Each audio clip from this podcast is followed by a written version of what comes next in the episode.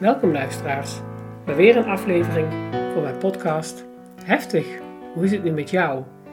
In elke aflevering ga ik in gesprek met iemand die of een impactvolle gebeurtenis mee heeft gemaakt of impactvol werk heeft, om hem of haar de ruimte te geven om de kant van het verhaal te vertellen dat niet zo snel belicht wordt. En door te luisteren naar dit soort verhalen hoop ik dat een ander in de toekomst ook durft te vragen: Heftig, maar hoe is het nu met jou? Uh, welkom luisteraars bij weer een aflevering van mijn podcast Heftig, hoe is het nu met jou? vandaag ga ik in gesprek met Annemarie. Met Annemarie ga ik praten over ongeluk in 1999, bijna 24 jaar geleden. Niet zomaar een ongeluk, bij dit ongeluk zijn haar beide dochters om het leven gekomen. De meisjes waren toen 6 en 12 jaar. Annemarie is ook moeder van een zoon en die was die middag bij scouting aan het, aan het spelen. Um, Annemarie's verwondingen vielen relatief mee, maar de verwondingen van haar uh, man waren fors. Um, ja, Annemarie, je vertegenwoordigt natuurlijk een pijn die veel ouders voelen. Ik zie jou meteen knikken. Ik ben zelf ook moeder. Er zijn altijd veel moeders die naar mijn podcast luisteren. Um, na zoveel jaar, hoe is het nu met je, Annemarie? Ja, ja, dankjewel uh, Irene. Um, ja, goed kan ik met volle overtuiging zeggen. En uh, tegelijkertijd ben ik daar ook heel blij en dankbaar voor. En wow. ja, ik ben inmiddels oma. Stefan is getrouwd, heeft drie prachtige kindertjes gekregen waar ik oma van mag zijn. En uh, ja, dat is gewoon zo bijzonder om, om dat mee te maken en weer te ervaren. Um, ik ben inmiddels na zoveel jaren rouwtherapeut en uitvaartbegeleider. Eigenlijk moet ik het andersom zeggen. Mm-hmm. Ik ben eerst uitvaartbegeleider geworden en daarna heb ik studies gevolgd en ben ik een rouwtherapeut geworden. Ja, en nu doe ik het eigenlijk beide. Ja, dat vind ik dan dat zullen de luisteraars ook wel bijzonder vinden, dat je heel oprecht zegt, het gaat goed met mij, hè, wetende dat, dat je dit mee hebt gemaakt en dat je voor het uitvaartvak hebt gekozen. Nu heb ik al eerder een dame in mijn podcast gehad met een hele heftige verlieservaring die voor het uh, uitvaartvak koos. Um, hoe ben je daar zo bijgekomen? Ja, dat is een hele mooie vraag. Um, heel veel mensen stellen, stellen mij die vraag. En dan zeiden ze altijd direct erachteraan. Oh, dat heb je, doe je zeker omdat je twee dochtertjes hebt verloren. En dan zei ik altijd, nee hoor, helemaal niet. Maar inmiddels weet ik dat dat wel zo is. En uh, ik ben geen uitvaartbegeleider geworden om de dag van de uitvaart is over te doen. Eh, omdat de dag van de uitvaart van Suzanne Inge niet mooi was. Dat was een, uh, die uitvaart, uh, ja, was, um, misschien is het raar dat ik het zeg, maar het was een hele mooie dag waarop uh, eigenlijk uh, twee prinsesjes werden begraven. Um, precies zoals ik het wilde. Dus daar heb ik geen op- en aanmerkingen over op de dag van de uitvaart. Um, maar ik kwam in aanraking enkele jaren na het ongeluk met een uitvaartbegeleidster. En met haar ben ik meegelopen. zomaar twee jaar. En toen dacht ik, ja, dit werk past als een jas. Dit hmm. is uh, wie ik nu ben en uh, dit voelt goed. Mm-hmm. En, uh, toen heb ik de keuze gemaakt om daarin verder te gaan. Ja, bijzonder. En dat je besloot om met haar mee te lopen, was dat wel om te ervaren hoe dat dan is om met die dood om te gaan als proces van jouw persoonlijke stuk? Nou, dat kan ik nu wel zeggen dat dat zo is, maar toen besefte ik dat niet. Mm. Dus uh, uh, het was toen zo dat het voor mij heel veilig voelde om met die dood om te gaan. Omdat een heel stuk in mij was gewoon dood. Ik leefde dag en nacht met de dood. Ja. En daarom was het uh, zo fijn om daarbij aan te sluiten. Maar bedoel je daarmee dat het zo um, aanwezig was? Dat het zo overspoelend was, overweldigend was? Er was een heel veel in mij was dood gegaan. Uh, ja. Het was een heel groot verlies van Suzanne Inge. En um, ja, hoe ga je daar dan mee om? Um, heel stuk in mij was, ik had heel veel afgesloten in mezelf. om te kunnen overleven. Dus ik was eigenlijk steeds aan het overleven. Hmm. En achteraf zie ik dat ik als uitvaartbegeleider ook zo aan het overleven was. Hmm. En hoe deed je dat dan richting je zoon? Um, bedoel je net na het ongeluk of later? Um, ja, beide eigenlijk wel. En net na het ongeluk, daar kan ik me dan bij voorstellen dat je dan echt in die overleefstand staat. Van we moeten maar weer opstaan, de dag beginnen en zien dat we er iets van maken. Maar hoe dat dan doorliep um, op de langere termijn, zeg maar.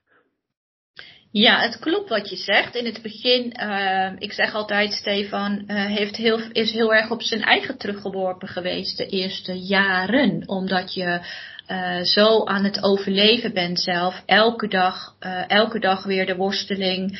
ja, sta ik op, ja of nee? Um, dan maar te denken, nou, ik hoop maar weer dat het snel avond is. Hè? En dan zie ik wel weer hoe ik dat doe. Dus ik had op dat moment geen oog voor Stefans zijn uh, proces.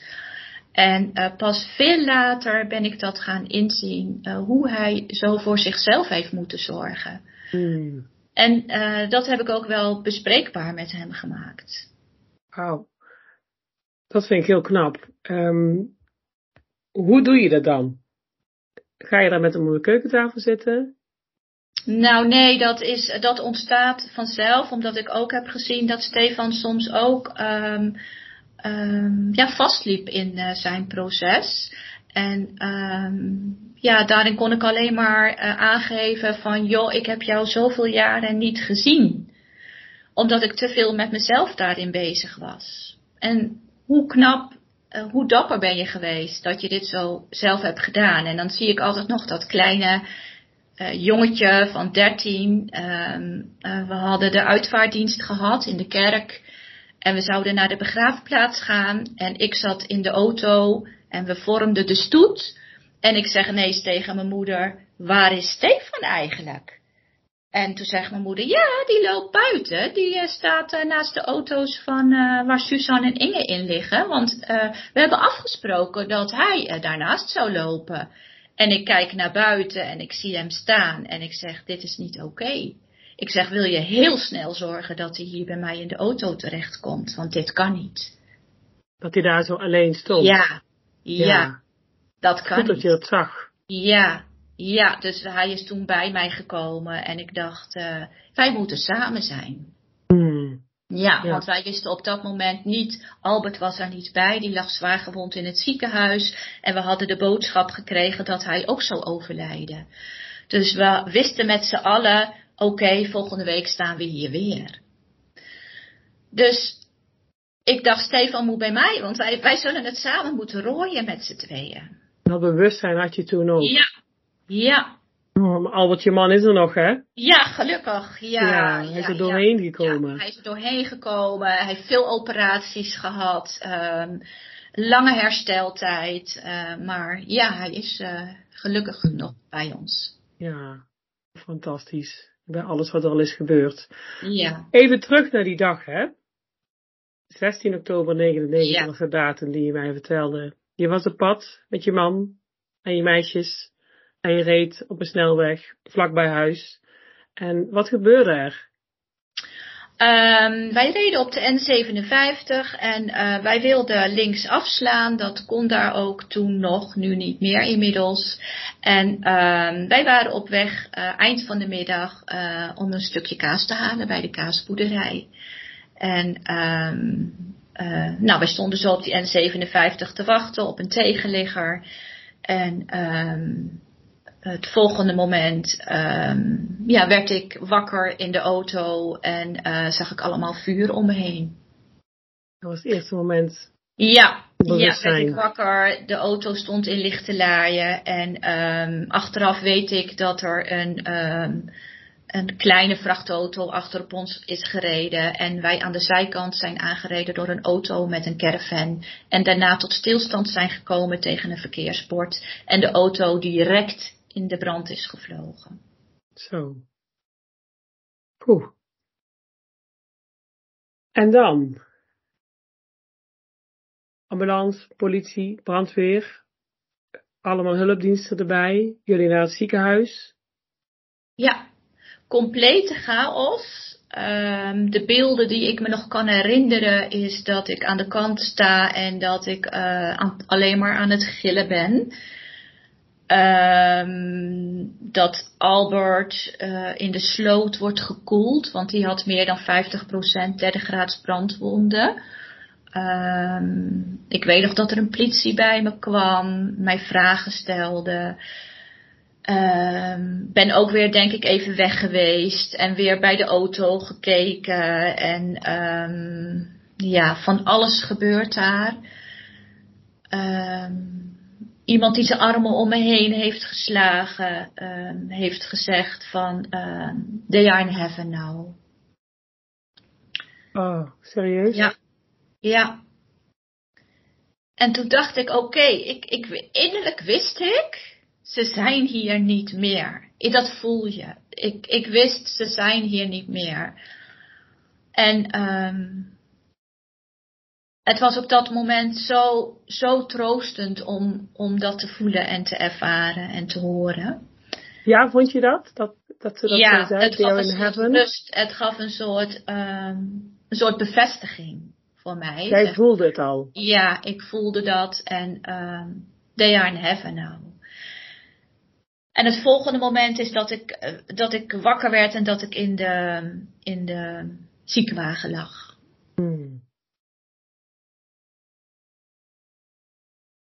Je hebt mij eerder verteld um, dat niemand van de hulpdiensten jou heeft verteld dat de meisjes waren overleden.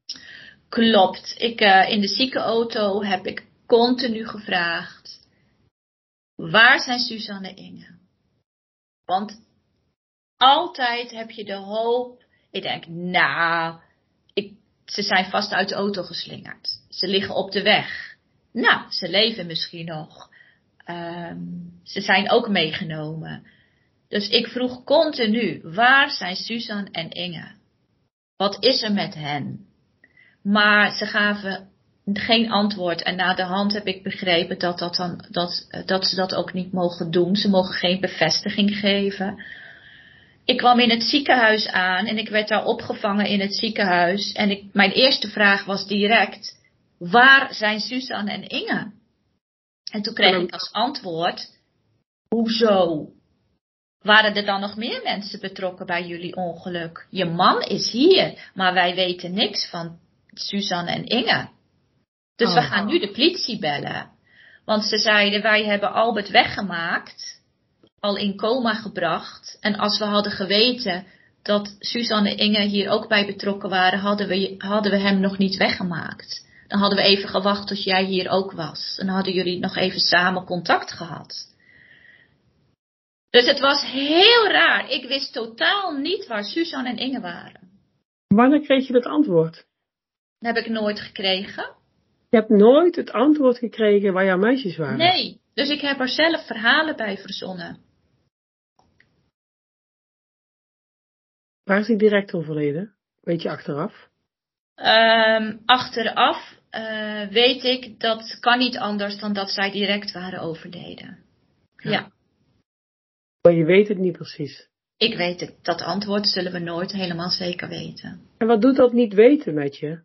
Heel veel. Dat is het niet weten is uh, heel naar. Het is sowieso heel naar als jij in het ziekenhuis ligt en uh, jij weet niet waar Suzanne en Inge zijn. Uh, ja, dat maakt je radeloos. Dat, dat, dat, dat, dat, ja, dan weet je gewoon niet waar je het zoeken moet. Het, is, het is net of jouw kinderen zijn afgepakt en meegenomen. En ja, wat is er? Waar zijn ze? En toch ergens, je weet intuïtief, zoals ik al zei, ze zijn er niet meer. Maar je verstand zegt, tuurlijk zijn ze er nog. Joh, die zijn uit de auto geslingerd. Uh, gaat, die komen straks ook. Uh, je gaat er verhalen bij verzinnen. Ik heb heel lang het verhaal gehad dat Inge, dat was, die was twaalf, was uit de auto geslingerd. Dat was vlakbij de plek van het ongeluk was een boerderij.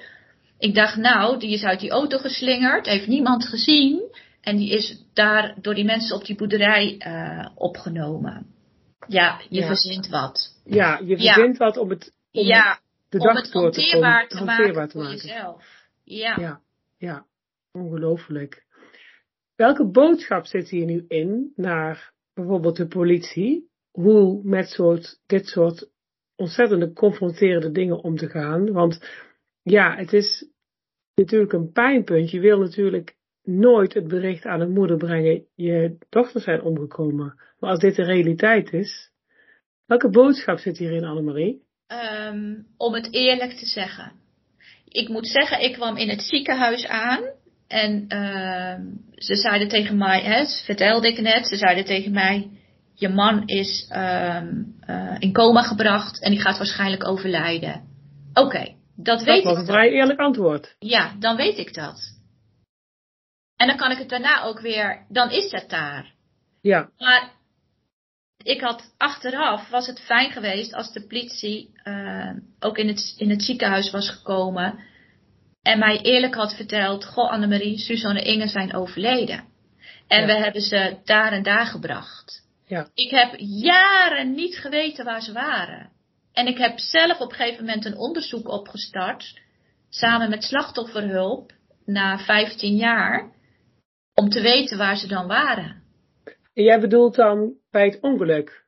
Ja, ik positie wist, bij het niet, ongeluk? ik, wist niet, ik wist sowieso niet of ze leefden, hè? maar ik wist ook niet, als ze dan dood waren, waar waren dan hun lichamen? Ja. Ja, ik wist het niet. Ja, want voor de duidelijkheid voor de luisteraars, je hebt de lichaampjes nooit mogen zien, hè? Nee, klopt. En dat, dat maakt dat jij als moeder Ja. daar zo zoekende in bent geweest. Ja, ja Want er is voor jou besloten dat je ze niet meer mocht zien. Klopt. Ik heb, ehm, de begrafenisondernemer kwam in het ik heb eh, drie dagen in het ziekenhuis eh, gelegen. Eh, mede omdat ik wat lichte verband, verwondingen had. En ehm, ik mocht ook bij Albert blijven dan. Mocht Albert overlijden, dan was ik daar direct ter plaatse. Ehm, dus de uitvaart hebben we om mijn bed geregeld. De dominee zat bij mijn bed, eh, mijn vader en de uitvaartondernemer. Met z'n drieën zaten ze om, mijn bed. En ehm, eh, de uitvaartondernemer heb ik op een gegeven moment gevraagd, kan ik ze nog zien? Nou, zei hij, dat weet ik niet, ik ga het voor je navragen. Ik zeg, prima.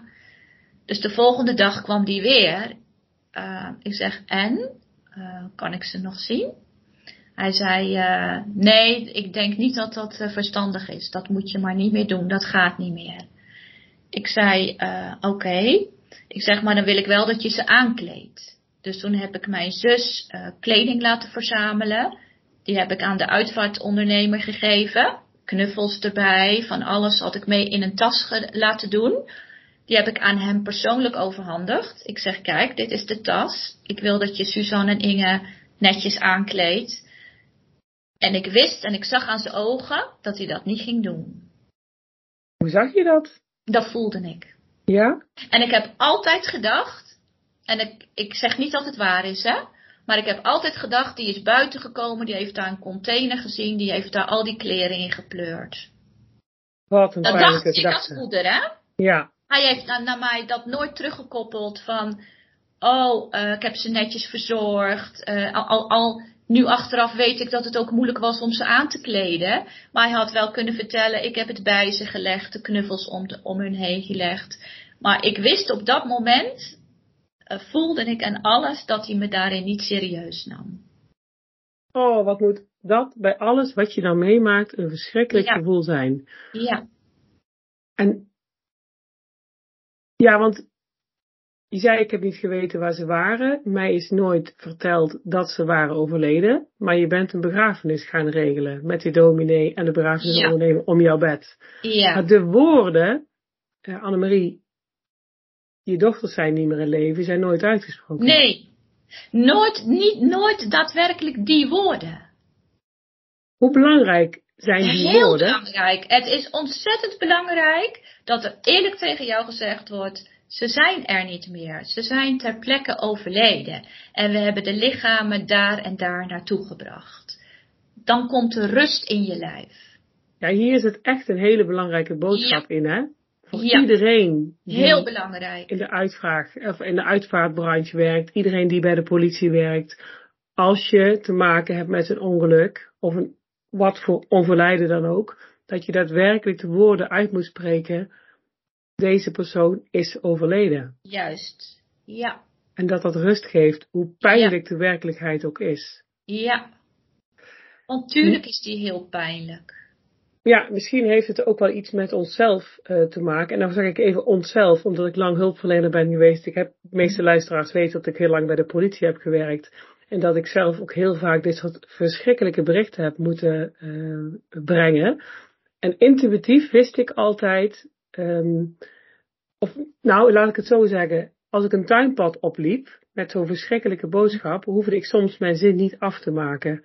Mensen zag ik soms al in één storten.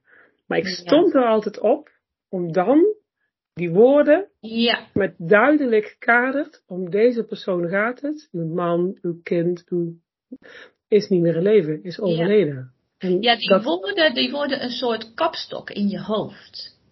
Ja. En de politie, je hebt eigenlijk in zo'n situatie alleen maar behoefte aan feitelijke informatie. Niet aan, aan troostende woorden of wat dan ook, maar gewoon feitelijke informatie. Dat wil je weten. Ja. Ja, ja, dit is ook een hele belangrijke boodschap, denk ik, naar luisteraars. Hoe belangrijk dat inderdaad het is. Die kapstok is wel een mooie metafoor. Ja. Uh, van feitelijke informatie. Hoe pijnlijk die feitelijke informatie ook is, ja. als je die niet aan kunt kijken, blijf je dus, wat jij zegt, heel lang in de fantasiewereld leven. Ja, precies. Ja. Dan, uh,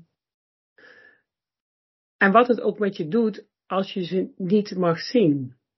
Ja, en dat er ook niet verteld wordt van wat daar nou precies gebeurd is. Dus je gaat daar allerlei fantasie, fantasiebeelden op af, aflaten, zeg maar. Ja. Je gaat van alles in jezelf verzinnen.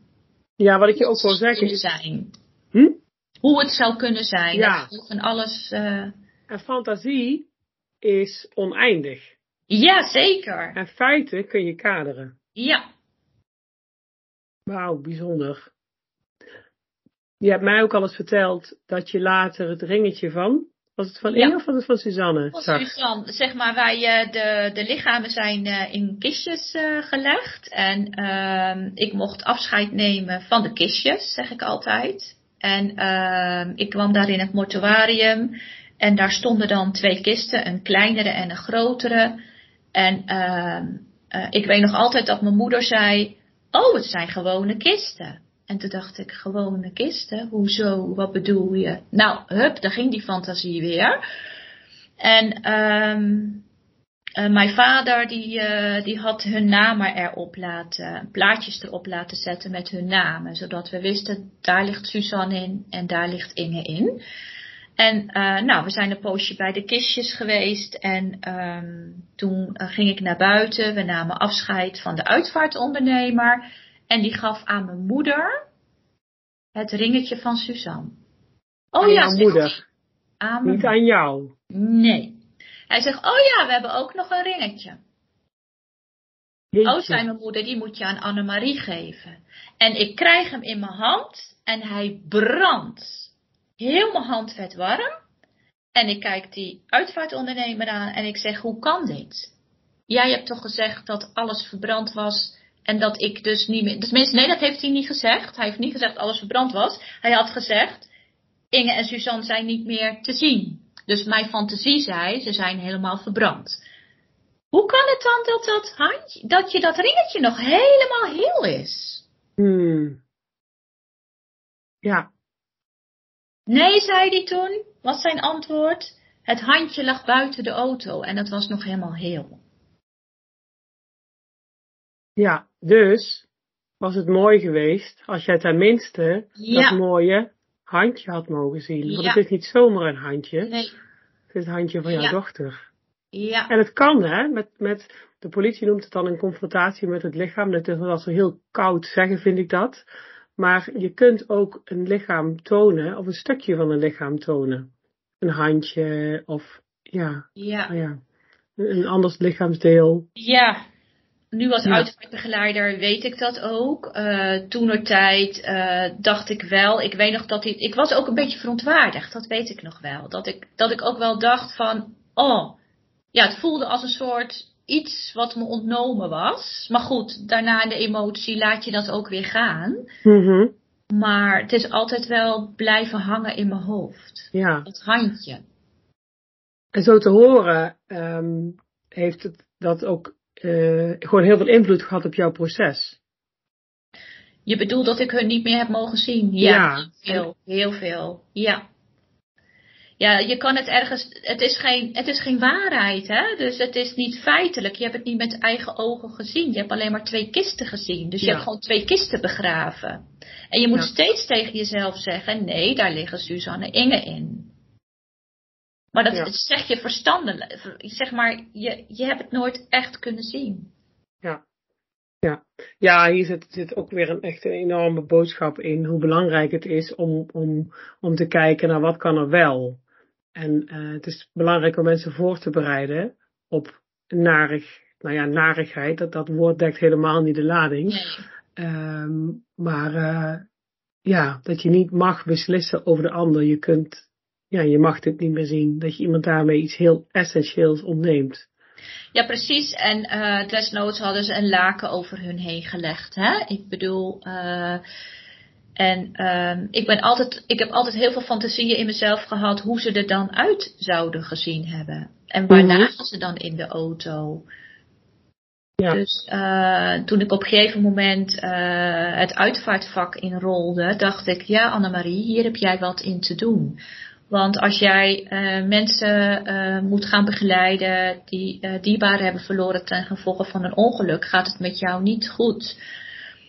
Dus ik heb toen slachtofferhulp ingeschakeld en die heeft alle vragen die ik had, heeft zij, is zij mee aan het werk gegaan en heeft zij antwoorden op gekregen en gevonden.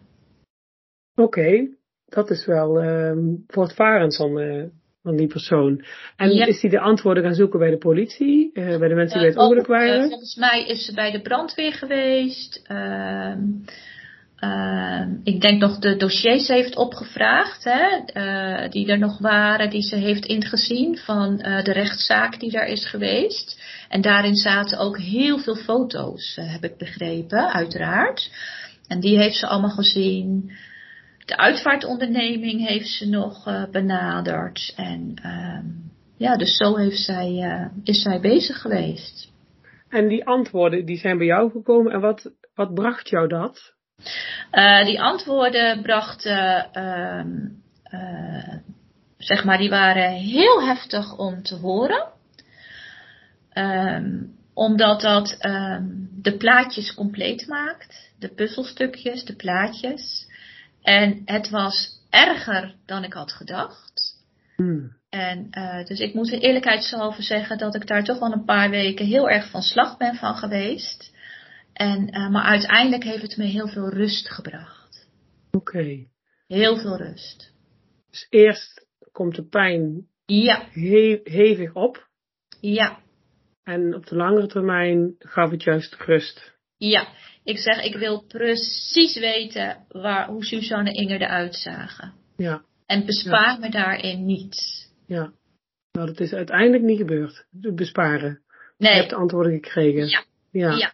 Ja. Ja, dus ik, eh, ik weet ook precies waar ze in de auto lagen, eh, de positie. eh, ik weet waar ze naartoe gebracht zijn. Dat was ook totaal anders dan ik dacht. Nou, ik heb echt alles, alles heeft nu een beeld. Er zijn totaal, is geen enkele vraag meer open. Hmm. Alleen misschien eh, de vraag die altijd nog open staat, is de confrontatie met eh, degene die heeft, ons heeft aangereden. Ja, want daar is geen contact mee geweest? Of hoe, hoe was Nee, dat? net- nee, zeg maar net na het ongeluk heeft zij mij een brief geschreven. Ehm, nou, er is uiteindelijk eh, ja, niets mee gebeurd. En eh, daarna is er eigenlijk nooit. eh, bij de rechtszaak ben ik zelf niet geweest. Ehm, daar zijn mijn twee broers ge- naartoe geweest. En dus uiteindelijk is er nooit contact geweest tussen ons. En je zei, ze heeft een brief geschreven, maar daar is niks mee gebeurd?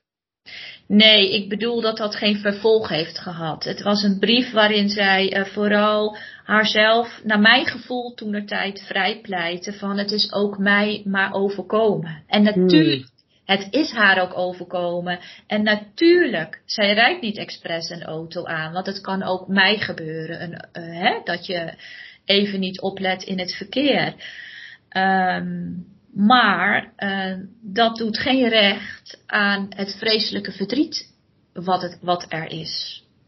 Wat had je nodig gehad van haar? Uh, ik had nodig gehad van haar uh, dat ze zei: Wat verschrikkelijk erg dat dit gebeurd is.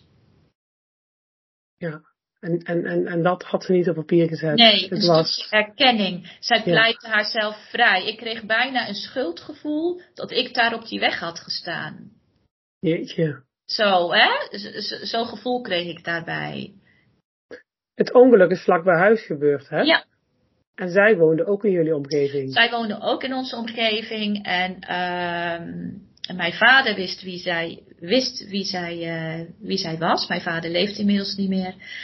Um, en uh, ik was altijd doodsbang dat ik haar tegen zou komen. Ik had een soort beeld in mijn hoofd, uh, hoe ze eruit zag. En ik was altijd een beetje alert. En uh, ik weet nog dat ik dan in de HEMA liep en dan dacht ik, oh ja, stel je voor dat zij hier nou ook loopt. En wat ga ik dan doen? Want je zou haar ook herkennen.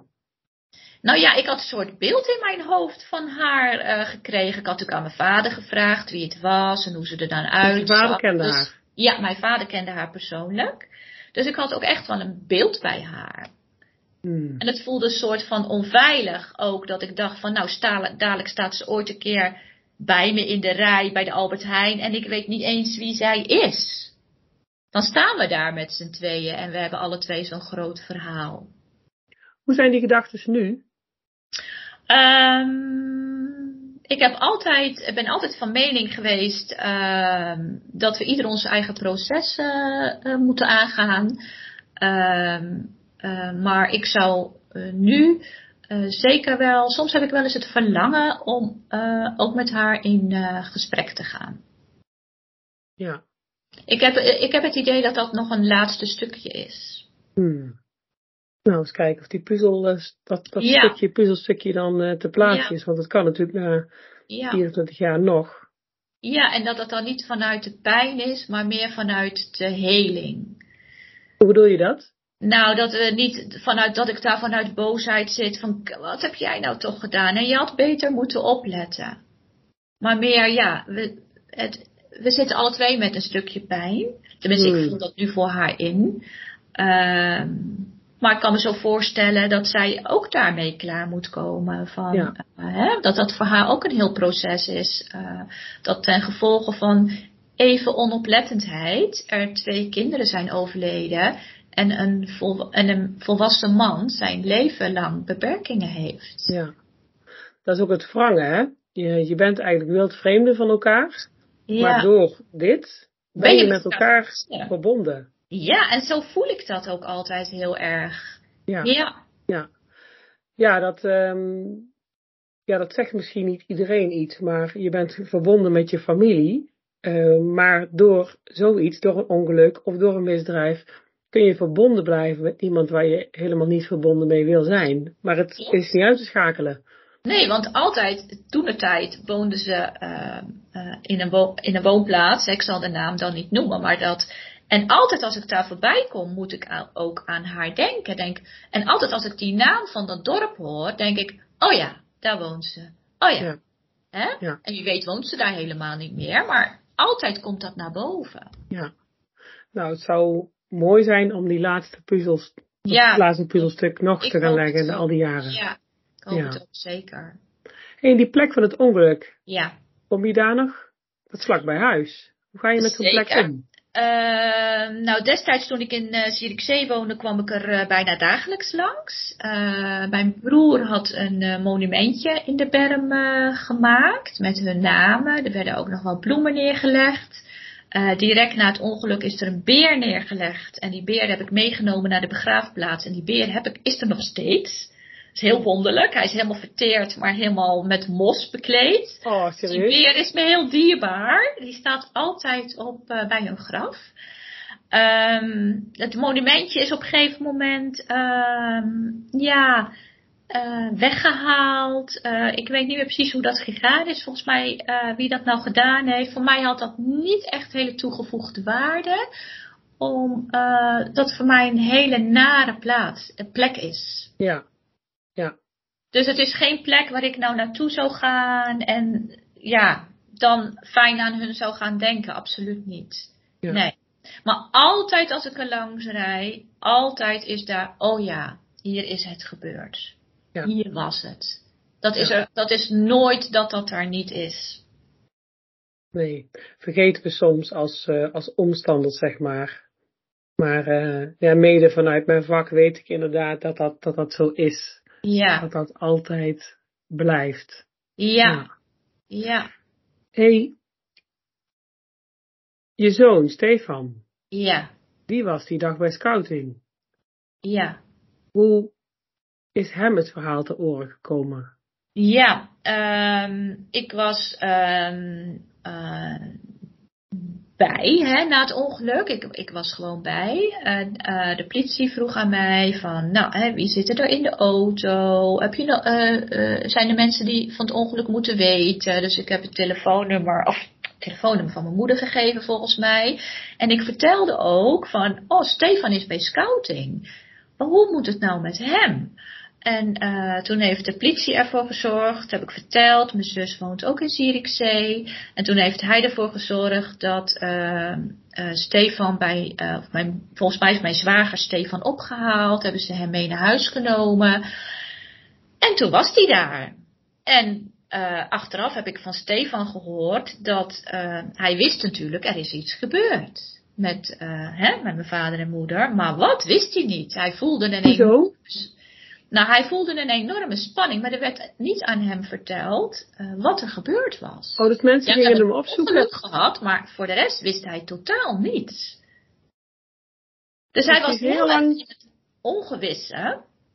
En uh, toen heeft, uh, hoe dat gegaan is, ik ben daar niet bij geweest, maar in ieder geval is er toen besloten dat er zou gewacht worden dat mijn vader ter plekke zou zijn.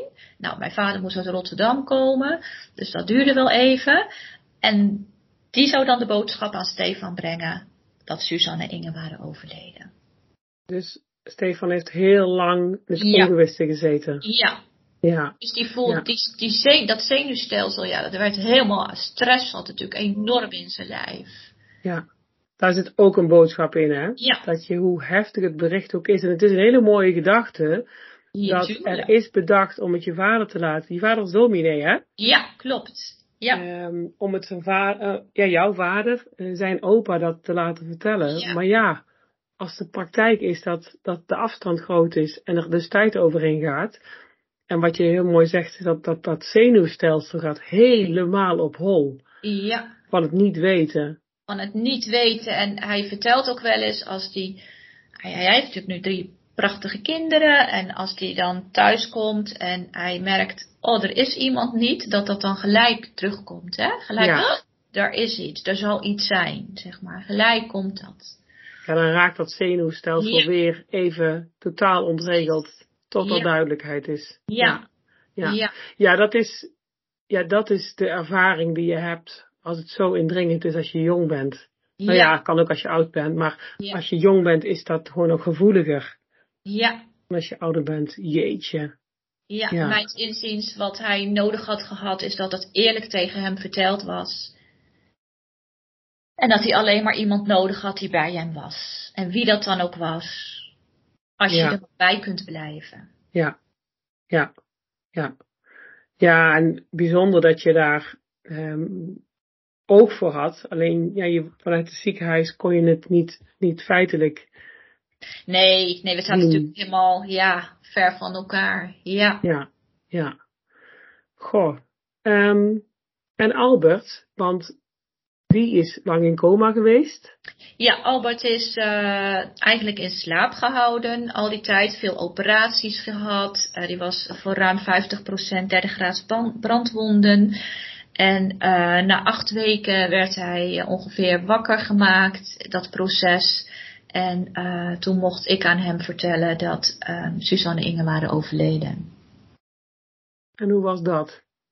Dat was, um, iets wat, dat is een proces geweest van twee weken. Dat ze zeiden, nou, hij gaat wakker worden. En dan, ja, als je natuurlijk heel lang in coma bent gehouden, ben je niet direct helemaal bij. Dus ik moest ook het moment afwachten dat hij aan mij zou vragen: waar zijn Suzanne en Inge? Wat is er eigenlijk gebeurd? Nou, ik denk dat dat een kleine twee weken uh, is geweest. Dat onzekere van, nou, is dat moment dan vandaag dat ik het dan moet vertellen? Of is dat morgen? Kan het nu? Dus dat, ja, het was enorm. Hmm. Ja, hoe was dat dan voor jou? Dat je naast dat bed zit en moet aftasten, kan ik het vertellen? Kan ik het niet vertellen? Nu weet je het nog niet? Dat is, of weet je het wel? Uh, ja, is heel naar. Dat is, dat is, dat, ja, dat is enorm. Dat, daar ga je gewoon enorm tegenop zien. En uh, ik besefte het zelf eigenlijk niet eens. Nee. Ik bedoel, ik had wel een uitvaart gehad. Ik had een begrafenis gehad. Maar um, ja, eigenlijk snapte ik zelf eigenlijk niet eens dat ze er niet meer waren. En uh, dus ja, toen Albert eenmaal vroeg aan mij, ik weet nog dat het moment er was, dat hij zei van, uh, wat is er eigenlijk gebeurd? Waarom ben ik hier nou eigenlijk? En dat, toen zei Suzanne Inge zijn er niet meer. En dat hij, uh, hij wist er niks meer van. Hij, hij was heel het ongeluk kwijt. Hmm. Dat hij toen ik was me even aan het afvragen van of hij het onbewust wel nee. ook had geweten. Nee, nee, Hij, wist het, hij wist het niet. Hij was dus zeer ernstig verbrand, hè? Al die weken van wat kan ik zeggen aan zijn bed? Want wat hoort hij en wat hoort hij niet? Wat weet hij wel, wat weet hij niet? Dus altijd als je aan zijn bed zat, was daar een soort spanning daarin. Ja, ja, ja. Ja, het is ook heel dubbel, want je geeft aan informatie, moet je, moet je feitelijk kort en bondig geven. Maar ja, als het lichaam in coma is, ja, dan, nee, dan, ja, dan kan dat sowieso dan niet. Dan kan dat Ja. niet. Hè? Dus die spanning ligt bij, bij jou, als, voor degene die daarbij zit. En uh, toen ik het eenmaal verteld had, was er bij mij ook wel die ontlading. Want toen kon Mm. ik, daarna kon ik er ook echt zijn. Ja, Hè? Want die, die hele erge boodschap, dat hele erge, ja, dat had ik uit mijn mond, uh, moest ik, ja, eigenlijk wat ik had gemist bij mij, heb ik wel bij Albert kunnen doen. Van, ja. Suzanne Ja. en ik zijn overleden. Dat is de enige bij wie het goed en Ja. mooi is aangezegd. Hoe noemt de politie Ja. dat dan altijd? Ja. Is, is bij Albert, omdat je dat zelf voor Ja. eigen rekening hebt genomen. Ja. Goh. Wat, wat, even weer naar het nu, hè. Wat, wat kenmerkt jou nu als moeder van Stefan? En natuurlijk ben je nog steeds moeder van Inge en Suzanne. Wat kenmerkt jou nu als moeder en als oma en als partner van? Um, wat mij kenmerkt, um, dat ik um, probeer enorm te genieten van het hier en nu. dat ik weet dat het ineens weg kan zijn. En dat is er altijd. Ja. Dus ik weet van vandaar, ik weet gewoon de volgende moment uh, kan ik alles kwijt zijn. Ik weet dat niet bewust, maar ik weet dat onbewust. Um, dus ik uh, probeer er uh, te zijn voor uh, Stefan en zijn gezin. Um, tegelijkertijd heb ik ook moeten leren om het niet te goed te willen doen. Hmm. Ja. ja. Goed genoeg is goed genoeg. Ja. Maar ja. ja. He, want ja. je hebt, Stefan, hè, Suzanne en Inge zijn overleden, dus je wil het zo verschrikkelijk goed doen voor Stefan. Je wil het eigenlijk goed maken dat zijn zusjes er niet meer zijn. Ja. Maar dat kan ik niet. Nee, dat kan niet. Nee. Nee. nee. En we hebben elkaar natuurlijk weer heel erg uh, moeten vinden. We hebben het leven weer moeten uitvinden. Uh, moeten leren leven met die uh, lege plaatsen in huis. en nu met die lege plekken die er nog steeds zijn. Ja. En het ja. kan me dan ontzettend ontroeren als ik een foto krijg dat Stefan bij het graf van Suzanne Inge zit en dat aan het schoonmaken is met, met zijn kinderen en daar zo heel ontspannen bezig is. Ah. En uh, ja. Mooi, mooi dat hij dan zijn kinderen weer meeneemt naar dat graf. Ja. Samen dat graf mooi maken. Ja. Zodat dat verlies van zijn zusjes hun tantes. Wel, ja, ja dat, hè, hun tantes. En, hè, dus die mogen er zijn. En tegelijkertijd, uh, hun leven, ieders, het, leven, uh, het leven gaat door. En het, het, leven is doorgegaan. En voor mij, zoals ik al vertelde, heel veel jaren is het gewoon dood geweest in mezelf. Ik heb ontzettend hard moeten werken om weer kunnen deelnemen aan het leven, dat het weer mocht stromen, dat ik weer kon genieten. Dat heeft heel lang geduurd, heb ik hard aan moeten werken. En in die zin um, uh, wil ik ook zo graag dat. Um, wil ik ook zo graag meegeven aan de luisteraars uh, dat je weer kan genieten. Ondanks hele grote verliezen. Ja, ja. Juist ja. door. Ja. juist doordat je zo weet uh, dat, het je zo, dat het zo weg kan zijn. En daarom moet je er niet aan vastklampen. Mooi. Ja, daar kan ik niet zo heel veel aan toevoegen. Ja. Dat zeg je ontzettend mooi. Dankjewel, Annemarie. Want dit vind ik een heel mooi einde van, uh, van dit hele openhartige gesprek met jou. Einde van deze aflevering van mijn podcast. Heel erg bedankt voor uh, het inkijkje in, jou, in jouw proces. En super mooi om te zien hoe jij nu in het leven staat. Dankjewel. Ja, en jij, uh, dankjewel uh, Irene voor uh, de gelegenheid, hè, voor het openhartige gesprek en dat wij samen hebben gehad. En nou, ik hoop inderdaad dat we de luisteraars ook ja, wat hebben mee kunnen geven daarin. Nou, ik twijfel daar niet aan. Ja. Dankjewel. Dankjewel voor het luisteren naar mijn podcast. Vind het super leuk om te horen wat jullie ervan hebben gevonden. Dus dan mag je me altijd een appje of een mailtje oversturen. Dankjewel en tot de volgende keer.